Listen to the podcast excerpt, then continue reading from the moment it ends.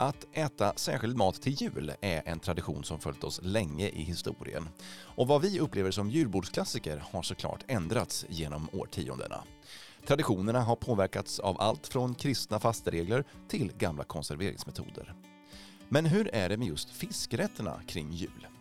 Hur hållbart är det med sillen och den rökta ålen?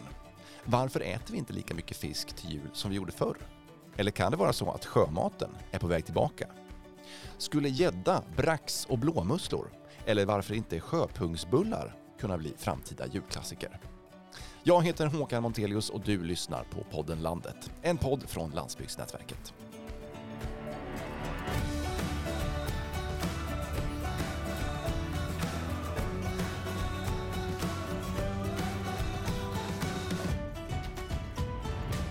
Ja, som sagt, idag ska vi prata julmat och mer specifikt sjömat. Och med mig för att diskutera dessa delikata frågor har jag med mig två gäster idag. Till att börja med säger jag hej och välkommen till Håkan Jönsson från Lunds universitet.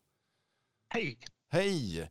Du är universitetslektor eh, på avdelningen för etnologi och jag vet att du har forskat en hel del om mat och mattraditioner. Vill du säga något kort om vad du arbetar med?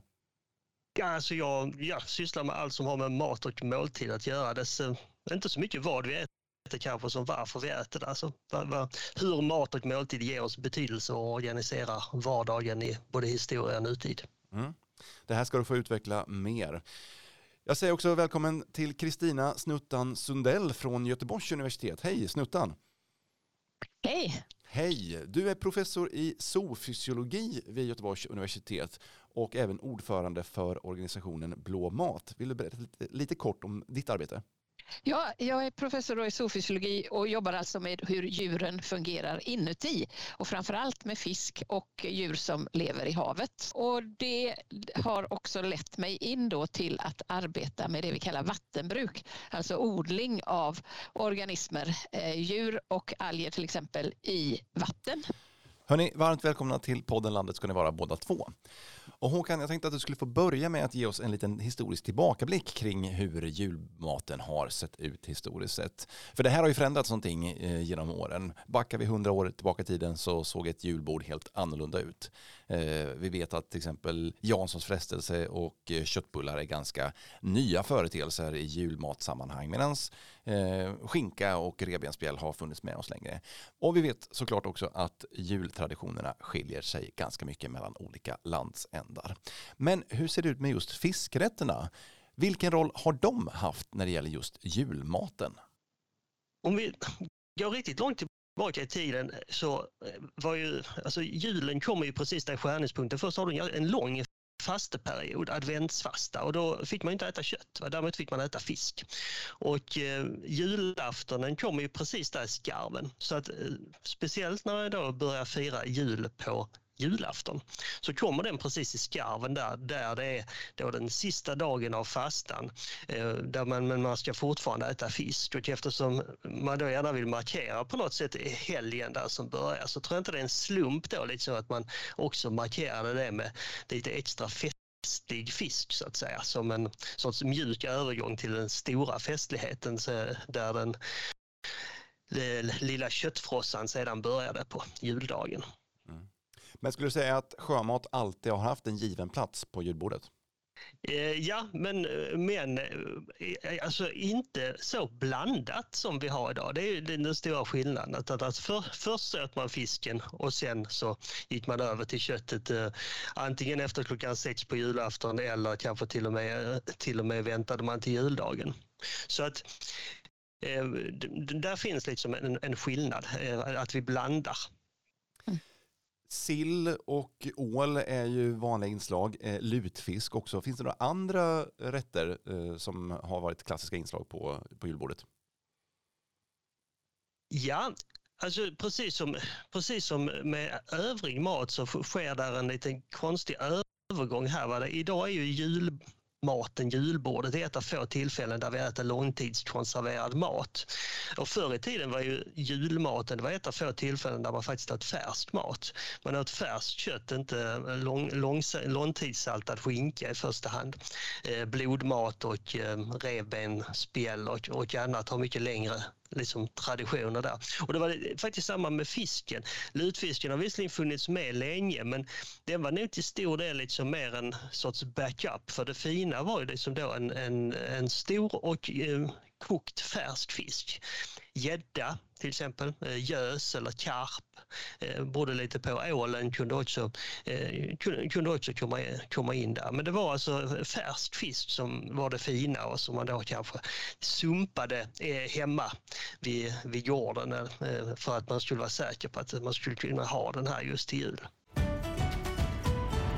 Det finns ju Ehm, eh, en hel del studier som visar just att det var väldig diversifiering av arter av fisk på julbordet och på menyn överhuvudtaget då.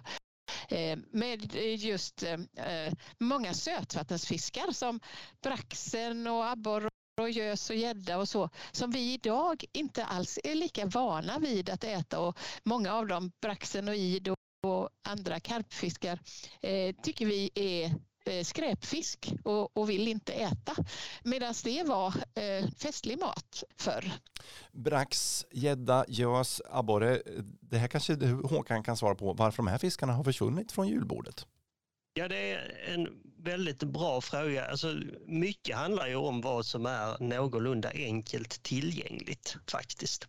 Och där just fisket och inte minst um, sötvattenfisket, sjöfisket har ju liksom inte riktigt klarat av att integreras i den moderna stormarknadshandlande logiken. Vilket innebär att man, det krävde ju en hel del jobb liksom ändå om man inte fiskade själv att få tag i den här fisken och den typen av specialaffärer har ju mer eller mindre försvunnit. Mm. Och, och, sen, och, och, lite av det är ju också därför att eh, det är bekvämligheten hos konsumenten. Att man vill ha saker som är lätta att tillaga och så vidare. Och då är marknaden eh, mera de här portionsbitarna av eh, fisk utan ben. Liksom. Medan eh, den typen av, av insjöfiskar, de, de har lite mer ben och kräver lite mer hantering och behandling.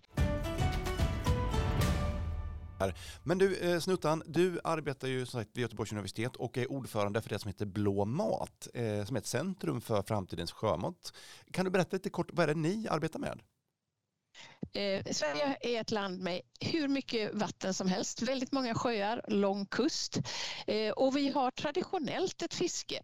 Men fisket har ju minskat på grund av eh, att kvoter har minskat och så vidare eftersom vi har frestat på vårt vildfiske väldigt mycket. Så kan man också odla mat i eller odla organismer i vatten. Vi kallar ju det vattenbruk då. Eh, och det är fisk och det är musslor och det är alger och så vidare som man kan odla i vatten. Och det har vi till viss del i Sverige men väldigt lite jämfört med alla, alla våra nordiska grannländer till exempel och väldigt många andra länder också. Och vi har potential att kunna öka detta. Alltså, hur kommer det sig att det, är så, att det är så lite i Sverige jämfört med våra grannländer? Eh, där tror jag att eh, det, det är eh, Håkans bord, men jag ger mig på gissningen. Vi, vi, är ju alltså, vi är vana vid att odla på land. Det är en självklarhet. Det har vi gjort i flera tusentals år. Eh, och så jagar vi lite på land också. Vi har vilt som vi är exklusivt och, och, och, och bra så att säga. Men det är en liten, liten del. I vatten är det precis tvärtom. Där är vi vana vid att jaga. Vi fiskar, vildfiskar, medan vi har ingen vana alls vid att odla. Odling i vatten, fiskodling, är en ny företeelse. Det startade på 80-talet eh, här uppe i Norden. Mm. Eh, och, eh, så det behövs ett litet omtänk. Jag brukar kalla det för ett paradigmskifte 71 procent av jordens yta är vatten och 29 procent i land. Och 4 ungefär procent av den mat vi äter kommer från de här 71 procenten. Och det är ganska obalanserat kan jag tycka. Håkan, vad säger du om det då? Eh, eh, skillnaden här i eh, Sverige och grannländerna. Varför äter vi inte mer sjömat? Ja, det är, det är, det är nog många olika lager där. Och, men det finns ju också en lite trist tradition i Sverige av att betrakta Eh, sjömat eller fisk som lite sådär andra rangs substitut till kött. Och det handlar nog på sin tid rätt mycket om att det var, det var så mycket billigare Eh, då. Så att det, det, det därmed fick en mycket lägre status än vad det egentligen förtjänade. Det finns ju liksom väldigt sällan bra färsk fisk att få tillgång till. Eh, det är på Göteborg och västkusten, där kan man få det, men resten av Sverige är ju liksom ett svart hål. Jag är bortskämd eftersom jag är här i Göteborg, så jag tycker jag ser ju aldrig det här att det skulle vara brist på att hitta en god fisk. Utan jag ser mer det sorgliga då i att fisken som du säger har blivit så dyr för att det inte längre kan vara, eller liksom det är svårt att, det, att vara var mans vardagsmat för att den är alldeles för dyr. Och det är ju någonting som vi gärna skulle vilja liksom komma, få bukt med också genom att utveckla mer detta med vattenbruk så att man kan få en större volymproduktion från vattenbruket så att det kan bli mer eh, ja, åtkomliga priser för alla människor. Men handlar det inte helt enkelt om, om utbud och efterfrågan? Att eh, det finns ett utbud men efterfrågan är inte tillräckligt stor? Jag vet inte.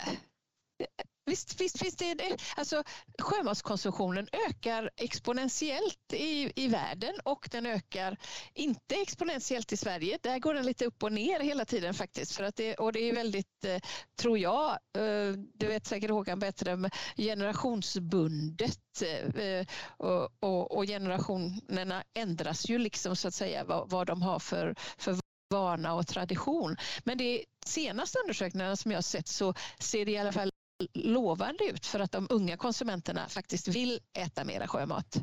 Men lite ligger ju nog också i att eh, alltså, fisket är ju också sönderreglerat. Eh, alltså, fisket påminner ju lite om hur liksom, jordbrukslogiken var på på 80-talet. Eh, att, ehm, så där, där, finns liksom inget riktigt utrymme för att hitta den här nya marknaden hos de aktörerna som finns på fiskerimarknaden.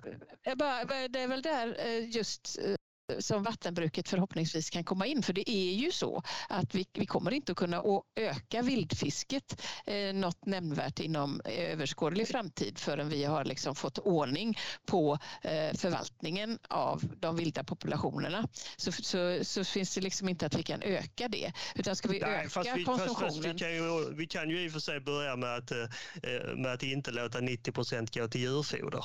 Det ska vi absolut börja med. Så, så där, där, där, där finns ju ändå, ja. där finns ju faktiskt ett dragspel där vi kan öka den så kallade humankonsumtionen så länge vi, vi, vi minskar det som går till, eh, går, det, går till och det är, Absolut, och det, det är ju, eh, vad heter det, och det är ju den lilla pelagiska fisken vi pratar om där, där som är ju den absolut största delen volymmässigt som vi fiskar i, i Sverige idag. Varför är det då viktigt att vi äter mer sjömat? Alltså vilka är argumenten för att vi måste ha mer sjömat eh, i vår dagliga kost och till våra högtider? Vi har ju en en enorm potential att kunna öka eh, matproduktionen i vatten. Den potentialen finns inte på land, där är redan trångt så att säga. Sen är det ju, när man odlar mat i vatten så krävs det inte vatten. Det är, det är lite självklart. Men det behövs inte bevattning, alltså med färskvatten. Eh, och sen eh, är, vad heter det, är det också rent Eh, grundläggande fysiologiskt så är det mer energieffektivt att odla till exempel en fisk i vatten än att odla en ko på land. Men du, vad tror du, utifrån det som vi har pratat här nu då, eh, om eh, när vi går tillbaka till julbordet. Kan julbordet vara ett ställe att få in nya, ny sjömat på våra tallrikar och in i våra kostvanor? Absolut. Och, och, jag tror eh, att det redan är på gång så att säga. Och, alltså sillen har ju sin plats och den kommer ju fortsätta ha sin plats och det är jätteviktigt. Men här tycker jag också eh, att här eh, behöver vi också lära oss att nyttja sillen på fler sätt än inläggning. Det finns ju mycket, mycket mer man kan göra med sillen. Som till exempel vad då? Som till exempel ja, sillburgare eller sillbullar eller blåmusselköttfärs, musselköttbullar. Fantastiskt gott, eller en blandning av det. Också lite alger i också. Eh, så det, man kan ju också ta en del av de här traditionella rätterna och göra dem med andra råvaror. Det låter ju väldigt exotiskt när du beskriver det här, alltså mussel och algbullar. Fantastiskt gott. En ytterligare exotisk, ännu mer exotisk är sjöpungsbullar eller sjöpungsburgare som har börjat att tillverkas nu. Håkan, vad tror du om det här då? Eh, eh vi hör lite exempel här. Sjöpungsburgare. Vad tror du om möjligheterna för lite nya eh, rätter från havet och från sjöar? Eh, om möjligheten för dem att ta sig in i våra matvanor och in på julbordet? Jo, men absolut. Men jag vill också slå ett slag för att liksom förnya genom att förgamla. Och också tänk det här, vi behöver inte äta samma julmat liksom i, i 14 dagar. Det finns ju så många olika, olika underbara jultraditioner som man kan ägna en dag åt i taget. Tänk på att julen varar till 20 dag Knut man kan ju hålla kvar vid traditioner och smaker och sånt men man kan ju ha andra råvaror bakom som gör, eh, alltså som, som då är producerade kanske mer hållbart och, eh, och, och, och gör till och med då som, sådana som gör en klimatnytta när man odlar dem och så vidare. Och det, jag, tycker, alltså jag är en jultraditionsmänniska utan like och så jag vill gärna ha kvar traditionerna. Men det går ju också att modernisera dem fast behålla dem ändå. Liksom. Mm. Hörrni, ni, ni, har, ni, har ju båda slagit ett, eh, ni, ni, har ju båda slagit ett slag för sillen eh, och det här är ju en, en traditionell rätt på, på julbordet. Eh, men samtidigt så får vi ju höra idag rapporter om att sillen inte finns i samma utsträckning som den funnits tidigare längs våra kuster. Om man tar ålen som exempel så är ju ålen i de svenska vattnen nästan helt utrotad. Kan inte det här vara argument som talar för att de här rätterna kanske försvinner ur den traditionella julmaten på sikt? Alltså det, eh, där är det ju så att sillen, eh, vi behöver som, som Håkan eh, säger, vi behöver ju nyttja mer av sillen till human mat. Så den kommer att räcka en stund till om vi bara ser till att använda den till oss och inte till annat. Eh, men eh, sen är det det. Det, det. det är därför lite grann som det är bra att börja titta på nya råvaror. Eh, vad är det för någonting som vi skulle kunna använda så att vi behåller vår känslan av att det är inlagd sill men den kanske inte behöver vara sillen utan kan vara andra arter som är, eh, som är mer eh, hållbara att fiska. När det gäller ålen så, så, så, så slår jag, vill jag verkligen slå ett slag för att vi ska minska eh, ål, ålkonsumtionen. Och där finns det nu också nya alternativ som eh, som många har testat redan på, på julbordet eh, och som har fallit väl ut för många, inte för alla naturligtvis för att eh, det finns ju en väldigt stark tradition där. Men där finns till exempel den eh, odlade fisken Clarias, som är en eh, afrikansk eh, tropisk fisk som odlas i landbaserade så kallade recirkulerande system. Och, eh, den fisken har en fetthalt och en struktur på köttet som lite grann liknar ålens och därför passar den också att röka. Så rökt Clarias är ett gott alternativ till ålen på julbordet tänker lite på karp. Eh, den, mm. den färska karpen som ju även eh, delvis var en tradition i Sverige, eh, även om det kanske mest var adeln som hade odling av karp. Det fanns ju faktiskt ganska utvecklad sötvattenskarpodling i alltså de rikare biskopar och adelsmän, inte minst kyrkans potentater eftersom man behövde mycket fisk till fasta perioderna. Så där odlar man. Men just det här med, med färsk karp till, till jul finns ju stora delar av eh, Europa har väl kanske även kommit in delvis. Så den skulle, den skulle man kunna tänka sig som ett alternativ till en del andra fiskar också. Och karpfiskar är ju det som odlas absolut mest globalt sett. Det är över 40 procent av all fisk som odlas eh, är, eh, är karpfiskar. Hörni, om ni skulle vilja våga er på en, en framtidsspaning då kring våra mattraditioner kopplat till jul. Vad ser ni för utveckling? Alltså hur kommer julbordet se ut här om 20 år? Eh, jag, jag, tror verkligen att eh, de här arterna som jag pratar om lite som eh, vi kallar extraktiva arter, alltså som tar upp näringen direkt ur vattnet. Alger som tar upp den lösta näringen och de här vad heter det, filtrerarna som tar upp näring som är bundet till partiklar, alltså musslor och ostron. Pilgrimsmussla, en helt underbar mussla. Alltså jag tror att mer av den typen av mat som är mer klimatsmart kom, och alger och alger i, i, som olika smaksättningar och så vidare. Och sen har vi ju den här umamin och som dels ju är en fyllig smak i sig själv men också lyfter andra smaker. Så man arbetar ju mer och mer med umami av olika slag eh, och från just eh, de här sjömatsprodukterna så, så kommer umamin och det finns mycket av den. Så jag tror att det kommer att, vi kommer att se mycket mer av det på julborden. Pilgrimsmusslor, mer miljövänligt och mer umami säger du. Håkan, Ja. vad tror du om framtiden för julbordet? Om jag får önska någonting så är, det nog att vi skulle sluta att använda den här termen julbord.